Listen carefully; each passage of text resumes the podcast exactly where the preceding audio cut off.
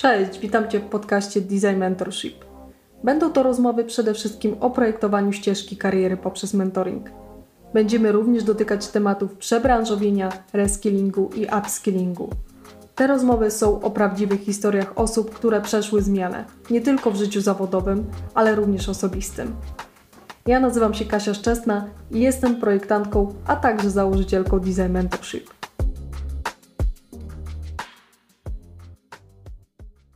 Cześć Magda, cześć Michał. Witajcie w naszym cześć. podcaście. Czołem. Słysza, słychać Michała. Magda też jest z nami. Krótkie, krótkie intro, y, z kim dzisiaj będę rozmawiać, bo będziemy mówić o przebranżowieniu, o zmianie, o, o tym całym procesie, który przeszła Magda, ale w, którym, w tym procesie, w którym uczestniczył Michał, żeby pokazać, e, jak można przejść od dosyć specyficznej branży, bo farmaceutycznej, do y, projektowania, projektowania user experience, o czym Magda będzie opowiadać.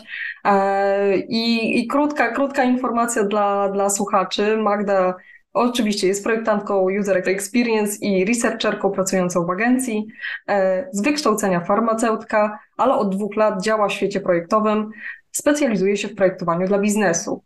E, Michał, który jest naszym drugim gościem, Michał jest y, head of design, który działa na rynku prężnie i praktycznie od ponad 8 lat.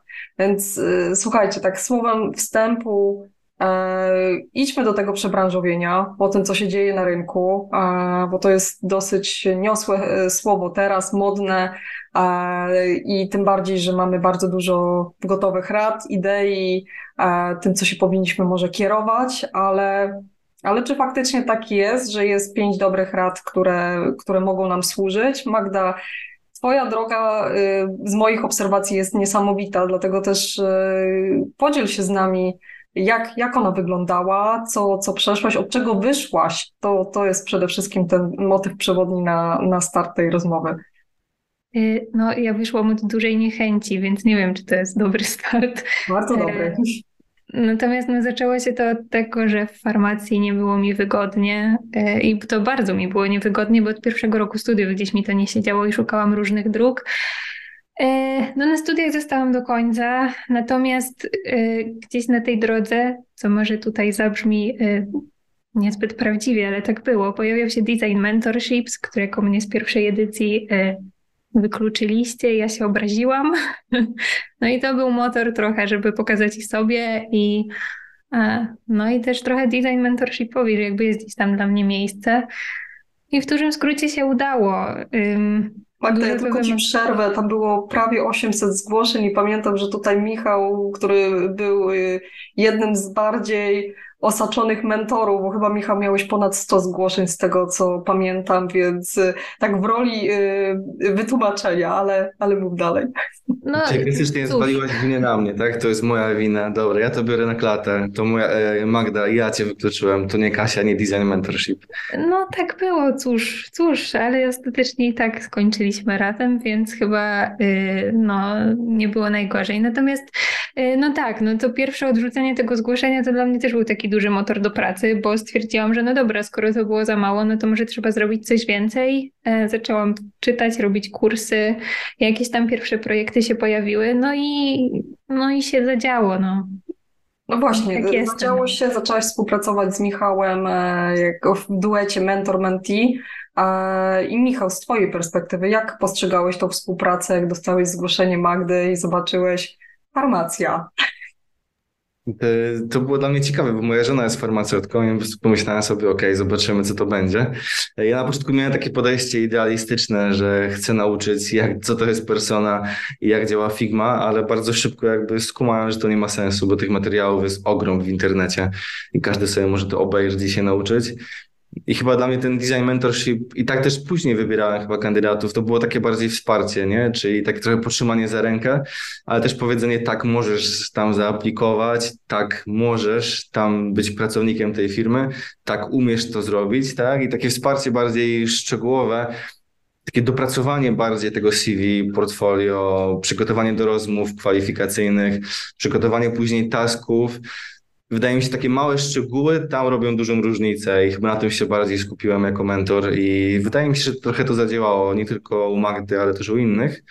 Mm, I to był chyba mój taki główny, główny fokus, więc odpuściłem tematy takie typowo UX-owe czy UI-owe. Powiedziałem, że to w ogóle nie ma sensu, to będzie po prostu wtórne i wiem, że i wiele innych ludzi potrafi to lepiej wytłumaczyć niż ja.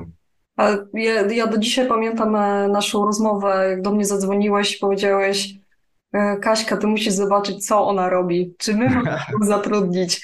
I mieliśmy też taką w kuluarach e, rozmowę, Magda. I... Ale że kto, że ja? Y, że ty o tobie, tak, w trakcie trwania y, waszego, waszej współpracy, mentoringu. I, I tutaj też jestem ciekawa, bo wiecie, mówimy o tym mentoringu y, w zależności od potrzeb. Jedne osoby się właśnie przebranżawiają i mają tą wiedzę dosyć zerową, ale też są osoby, które no, są na, na różnych poziomach, czy to są już właśnie team liderzy, e, seniorzy, czy, czy też z zakresu leadership. U Ciebie, Magda, był to początek drogi i ja jestem tutaj najbardziej ciekawa, jak, jak wyglądało to przejście, bo mówisz o kursach, które robiłaś mm. i co się zadziało? Zrobiłaś kilka kursów, co się, co się zadziało po tych kursach, jak się czułaś z nimi, bo to jest proces nauki. Yy, znaczy tak, ja generalnie... Yy mimo że to się wszystko zaczęło od niechęci, tak jak mówiłam, to jednak ta farmacja mam poczucie, że dała mi dużego takiego kopa do tego, żeby po prostu się uczyć. I jak trzeba się czegoś nauczyć, no to trzeba.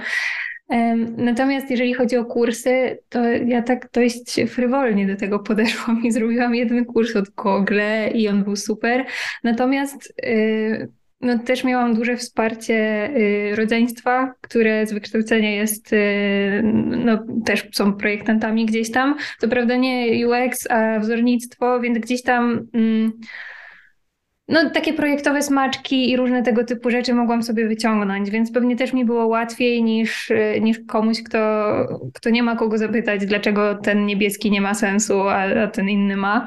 E, ale no nie wiem, no ja... No takie to frywolne było. Kurs Google kazał mi robić jedno, ja robiłam inne projekty i mam wrażenie, że to też, um, też było ważne, no bo możemy mieć 50 apkę do zamawiania jedzenia. Ja stwierdziłam, że nie chcę tak robić i trochę postawiłam na jakiś taki case ze swojego życia aptecznego. I też pamiętam, Michał, że o tym gadaliśmy, że to jakieś takie było ciekawsze i, i trochę inne. E, nie wiem, czy odpowiedziałam na pytanie. Mhm. Nie pamiętam, jakie było. Pytanie pytaniem, ale wiadomo, jest to proces. I też fajną rzecz, co nadmieniłaś o, o rodzeństwie. Dobrze, że jest, ale dobrze, że można, można było też się zapytać i tak. wejść w taką dyskusję, żeby poczuć się pewniej, że ludzie, którzy cię otaczają, są osobami, które w praktyce mają trochę sprawdzony ten, ten temat. E, mhm. Więc po, po tych anomaliach, kursach, takiego drepczenia, e, Później weszliście właśnie w współpracę mentoringową i ja się zastanawiam, gdzie, gdzie był zazwyczaj, wiecie, ten punkt taki, który był najcięższy i można było powiedzieć, Magda, zamykam tu, y, tą sprawę i wracam do farmacji. Czy miałaś taki moment y, w trakcie całego takiego procesu przebranżowienia? Y, absolutnie, ani przez sekundę. Absolutnie, ale to może być moje nastawienie do farmacji. Jakby dla mnie było trudnym w farmacji e, to, że to jest bardzo powtarzalne i jakby ciągle jest się w tym samym miejscu. Nie do końca widziałam tam miejsce na rozwój, e, natomiast w ogóle gdzieś tam ten świat projektowy i UX e, dał mi tego kopa i trochę pokazał, że, że są miejsca, w których można i trzeba się rozwijać non-stop. E, więc no nie, e, nie miałam takiej myśli, że stop, wracamy do apteki e, i mam nadzieję, że ta myśl mi nigdy więcej do głowy nie przyjdzie.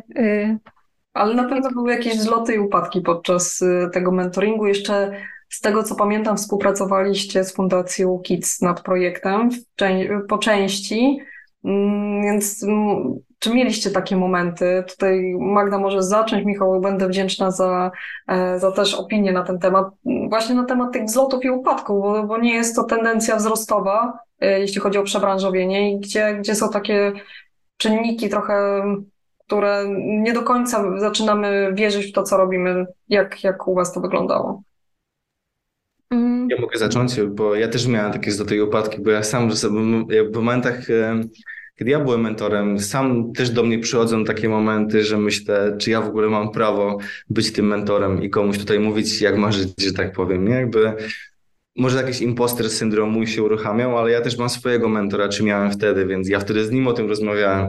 Gdzieś to kółko tych mentorów się, nie wiem, nie kończy nigdy, e, bo też miałem takie wątpliwości, że w ogóle dlaczego, dlaczego ja komuś próbuję tutaj wcisnąć coś albo wytłumaczyć, może nie mam racji, tak? To, co Magda powiedziała, że trzeba zrobić coś więcej, to jest takie moje motto. I tak każdemu to tłumaczyłem, że trzeba zrobić coś więcej, aż w pewnym momencie stwierdziłem, ale może właśnie nie trzeba, może ja, to jest moje podejście, że trzeba zrobić na 103% zawsze, ale to może jest niezdrowe, tak? Może to nie jest fajne dla każdego. Więc teraz mówię to moje podejście, że według mnie trzeba zrobić więcej, ale później dodaję disclaimer, tak, że to jest tylko moje podejście i że każdy może zrobić to inaczej, ale ja u mnie zadziałało to, u trzech osób z Design Mentorshipu zadziałało. Jakby mam trochę tych danych, które to potwierdza, że może faktycznie tak jest. Więc teraz to dodaję. Więc to a propos tych wątpliwości, nie wiem, czy ty Magda masz jakieś swoje jeszcze do dodania?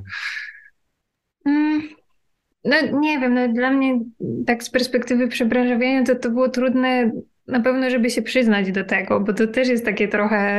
Mm, no jest się wrzuconym w jakieś tam normy, no i wiadomo, tu farmacja, studia i tak dalej. No i jak teraz babci powiedzieć, że ja wymyśliłam jakieś w ogóle inne rzeczy, więc um, takie samo przybra... nie jesteś w stanie wytłumaczyć. Nie, no babci już wytłumaczyłam. Babcia kuma Facebooka, to, to, to, to wiadomo, gdzie jesteśmy, ale no to było trudne tak... Um, chyba na innym poziomie niż jeżeli chodzi o szukanie materiałów czy jakieś takie rzeczy, ale takie przyznanie się przed sobą chyba, że, że się chce inaczej i, i robić gdzieś tam inne rzeczy.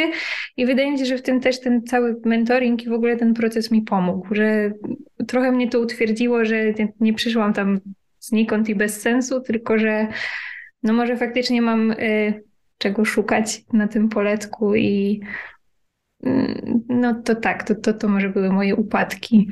Y.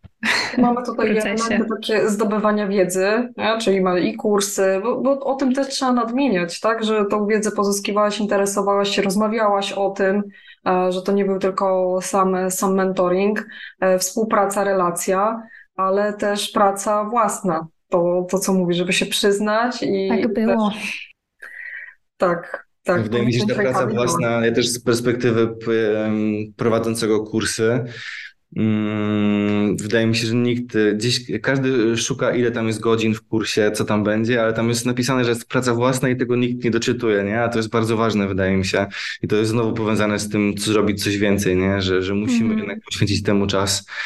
E, I ja też przychodziłem przez to, bo też byłem na bootcampie UX-owym, też zaczynałem szukać pracy i ja musiałem połączyć pracę w restauracji z byciem UX-em. Nie wiem, co jest cięższe, czy farmacja plus UX, czy restauracja plus UX, ale też to można zrobić, nie? I te, też tę drogę przeszedłem. Też miałem swojego mentora, więc to jest do zrobienia, wydaje mi się, tylko faktycznie wymaga ogromu pracy i samozaparcia. Chyba to jest takie też drugie słowo, które trzeba po prostu mieć.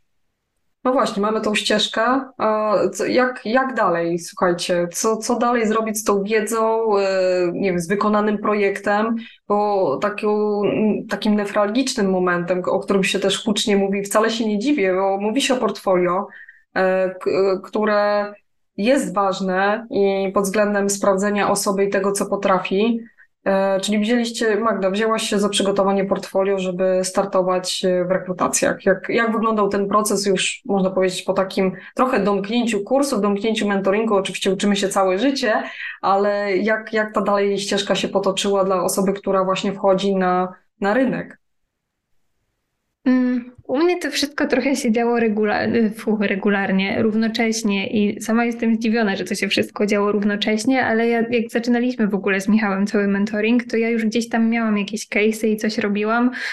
Um, i to się zaczęło w ogóle od LinkedIna, jakkolwiek to może być śmieszne, y, ale wrzucałam post na LinkedIna z moim pierwszym case study i płakałam, jak to robiłam, bo się wstydziłam okrutnie.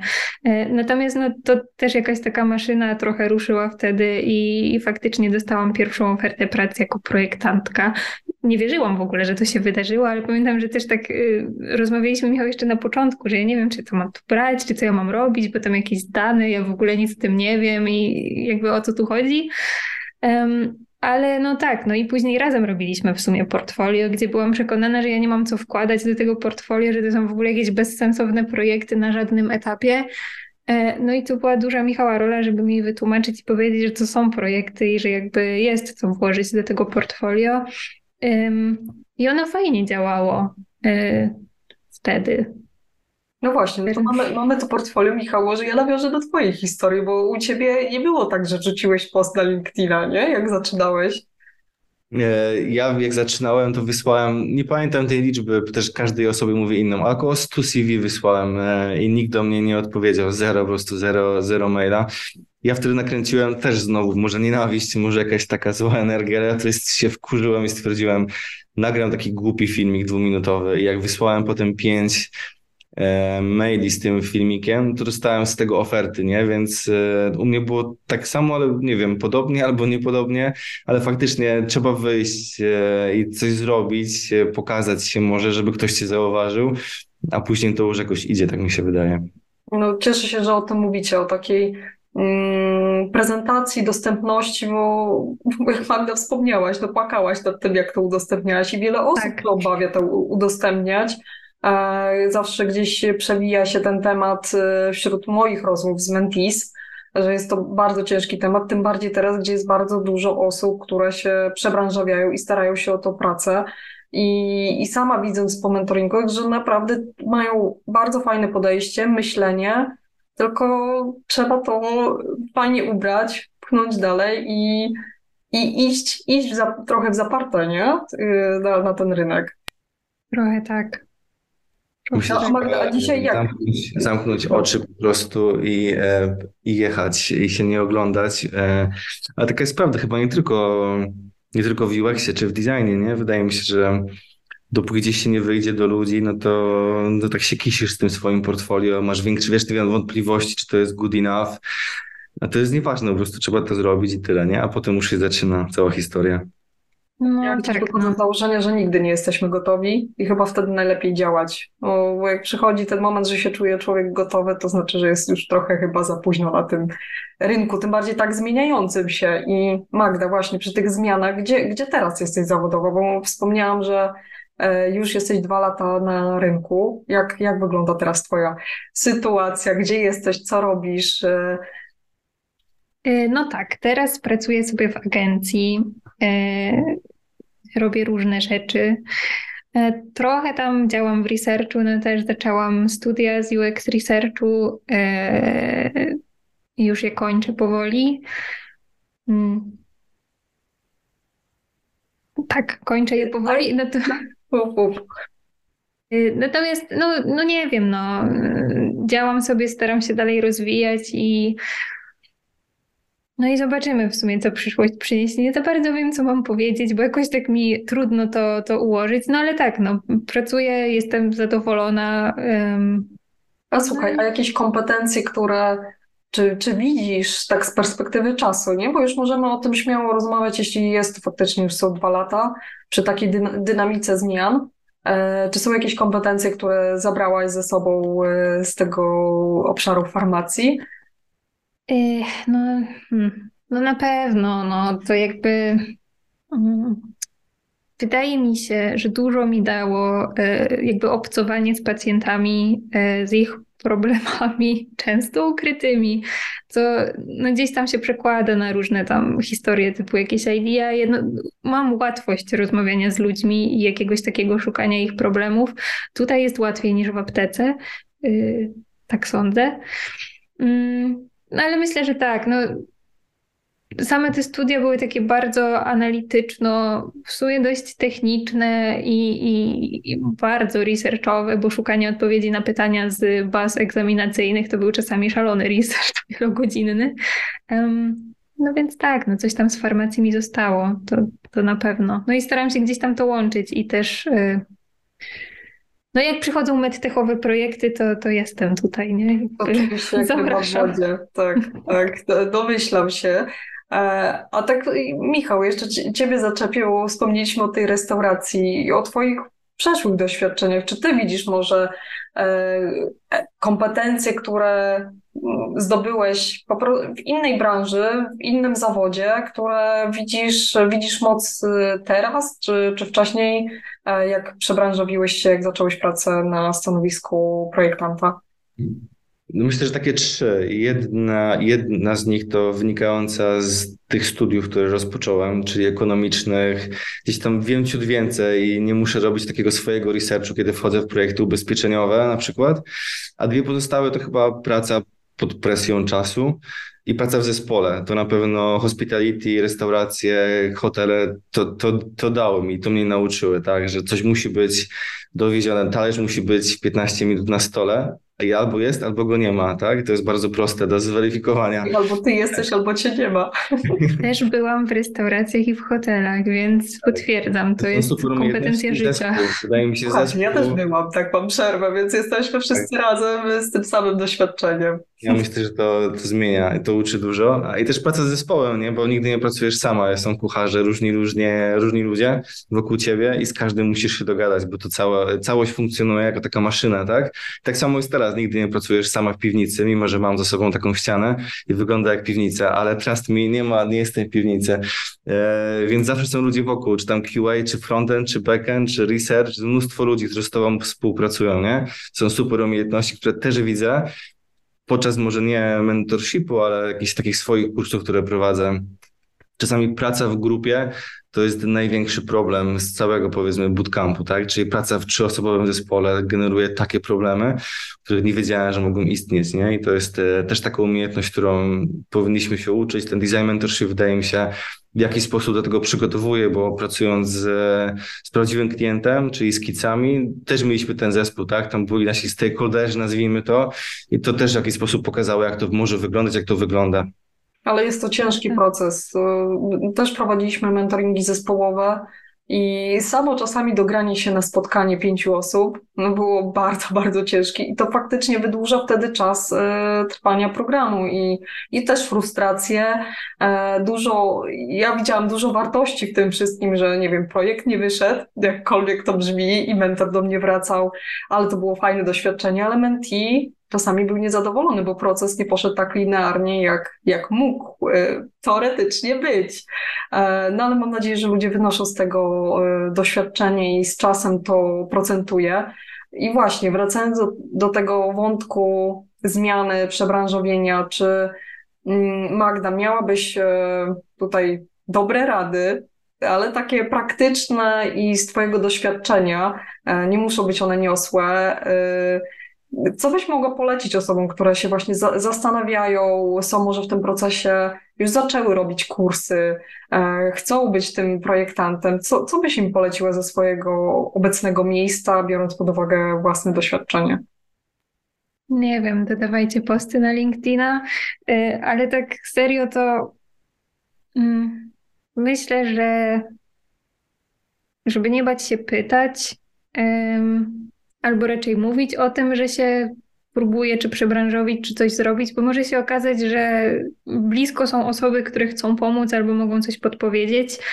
E, też duże podziękowanie do kolegi, który gdzieś tam mnie skonektował z kimś, więc to też mi dużo pomogło. No i chyba szukać w tym, co się już ma, bo masa osób ma jakieś tam wcześniejsze doświadczenia, czy to właśnie z tej restauracji, czy z czegokolwiek. No, mo można sobie pomyśleć, jakby się dało, nie wiem, ułatwić donoszenie talerza do stolika albo jakieś tam systemy zamówień, cokolwiek. No to nie zawsze musi być y, apka do zamawiania jedzenia albo do bukowania lotów, tylko można poszukać gdzieś indziej. I no nie wiem, to, to chyba w sumie tyle. Tak. To są bardzo fajne rzeczy, które, które są pod, potrzebne, żeby zrozumieć to, w co wchodzimy. No i potrzebny jest na to czas. A Michał, z Twojej perspektywy? Czas. E, czas to jest dobre określenie. Mm, przygotować się na jakieś e, wieczorne sesje z UX-em albo weekendy. Może przygotować się finansowo, może odłożyć sobie jakąś kubkę, żeby nie było tej frustracji tak bardzo szybko. I chyba przygotować, chyba chyba dać sobie czas, żeby samemu poeksplorować e, ten temat, zrobić parę kursów samemu, iść na jakiś może meetup w swoim mieście, posłuchać tych ludzi na żywo i dopiero później chyba przychodzić do, do mentoringu albo iść na kursy czy coś takiego, żeby, żeby te, jakby ten czas dla siebie, taka eksploracja tego właśnie, zagubienie się, czy mam ten kanał na YouTubie oglądać, czy tamten, czy o personach tu, czy tam czytać, wydaje mi się jest też bardzo fajne. E, I później dopiero ten mentoring się to tak fajnie poukłada. Tak, ja tak to czuję ze swojej perspektywy i z rozmów e, z ludźmi, że najlepiej chyba wychodziło wtedy, kiedy ktoś wszedł w temat, zagubił się w tym, był totalnie zagubiony i mentoring, i, czy nawet kurs jakiś UX-owy, to dopiero układa i ta wiedza gdzieś się w tych szufladkach segreguje. Ja się również. Te, też tak czuję, wiecie, co widzę, postrzegam dwa podejścia do mentoringu, właśnie to, co Michał powiedziałeś. Osoby, które gdzieś utknęły i potrzebują wsparcia, ale są osoby, które chcą się szybko przebranżowić. No i tu mam znak zapytania, czy wtedy faktycznie mentoring jest najlepszy, bo chcemy wejść w dyskusję, chcemy wejść w relacje, ale żeby wejść w tą dyskusję, musimy mieć jakiś bagaż, bagaż wiedzy. Więc y, bardzo się cieszę, że to też, też wypływa, czemu to służy i dla kogo to jest. A, dobrze, po, powiedzcie mi, jakie, y, jak wy postrzegacie, może takie pytanie na koniec, żebyśmy domknęli, pytanie ekstra. E, jak postrzegacie ten rynek projektowy, który się dzieje teraz? Możesz zacząć, Michał. Liczyłem, że powiesz coś mądrego, ja powiem, też tak uważam, ale nie, nie. dobra. E, jak ja postrzegam ten rynek? E, pamiętam, że kiedy ja zaczynałem, e, wszyscy mówili, że rynek UX się, czyli 2016-15 rok, że rynek UX się kończy, że nie będzie pracy dla projektantów, że będzie kryzys. Jesteśmy 8 lat później, tak? Jest dokładnie ten sam case. Rynek się kończy, nie będzie pracy. Teraz dodatkowo jeszcze AI wchodzi, tak? Który zabierze nam pracę. To jest ta różnica. Czy to prawda? Nie wiem. Mam też ze swojego, gdzieś tam ze swoich kursów osoby, które właśnie skończyły kurs UX UI i właśnie dostały pracę, tak? I, I, nie było z tym problemu i to było wiadomo, trzeba było przygotować CV, portfolio, przejść ileś tam rozmów i udało się i to jest dalej wykonalne, tylko naprawdę trzeba zrobić teraz chyba jeszcze więcej niż kiedyś. Wydaje mi się, że kiedyś e, można było, nie wiem, zrobić kurs online i ta praca była. Potem można było skończyć studia i praca była, a teraz trzeba jeszcze więcej zrobić i to jest chyba ta różnica między tym momentem, kiedy ja zaczynałem, a tym obecnym. Co do tego rynku, też wydaje mi się, że jest duży zwrot w kierunku UX, UI, więc moja sugestia do wszystkich UX-ów jest taka, żeby nauczyli się UI-a. Ja sam jestem w tej sytuacji, że jestem, to jest moja taka chyba strona, która wymaga największej, największej poprawki e, i to jest właśnie moja wina, więc ja każdemu mówię, nie idźcie moją drogą, uczcie się od razu tej całości i bądźcie specjalistami w tym, co lubicie, ale jakby wiedzcie, miejcie tą taki big picture wszystkiego. Więc to jest takie dwie zmiany chyba, które ja widzę. Teraz ty Zgadzam się. Zgadzam się, właśnie. Super. Zgadzam się. Tak jak rozmawialiśmy wcześniej, właśnie dzięki. Tak, tak, tak. Oczywiście, zgadzam się. Y, podpisuję. No. I jeżeli chodzi tak z mojej perspektywy, y, to faktycznie ja za dużo siedzę na TikToku i za dużo siedzę na fejsie, żeby tutaj mieć pewnie jakieś rzetelne historie. Natomiast z tego, co też widzę, to faktycznie ludziom jest trudniej chyba, nawet niż mi było jeszcze jakiś czas temu, bo mm, albo teraz więcej czytam, no nie wiem, ale widzę, że wszyscy się próbują przebranżowić i ten UX się stał takim świętym gralem, no bo nie musisz umieć kodować i możesz tutaj być w IT i w ogóle jest ekstra. Um, więc nie zazdroszczę, ale kibicuję. I tak jak właśnie Michał powiedział, że im bardziej fokus na taką generalną chyba taką międzydyscyplinarność w tym całym projektowaniu, tym chyba lepiej. I teraz już bez UI to chyba nie pójdzie nigdzie. Więc tak, plus jeden y, UI jest ważny. Też nie umiem za dobrze. Ode mnie.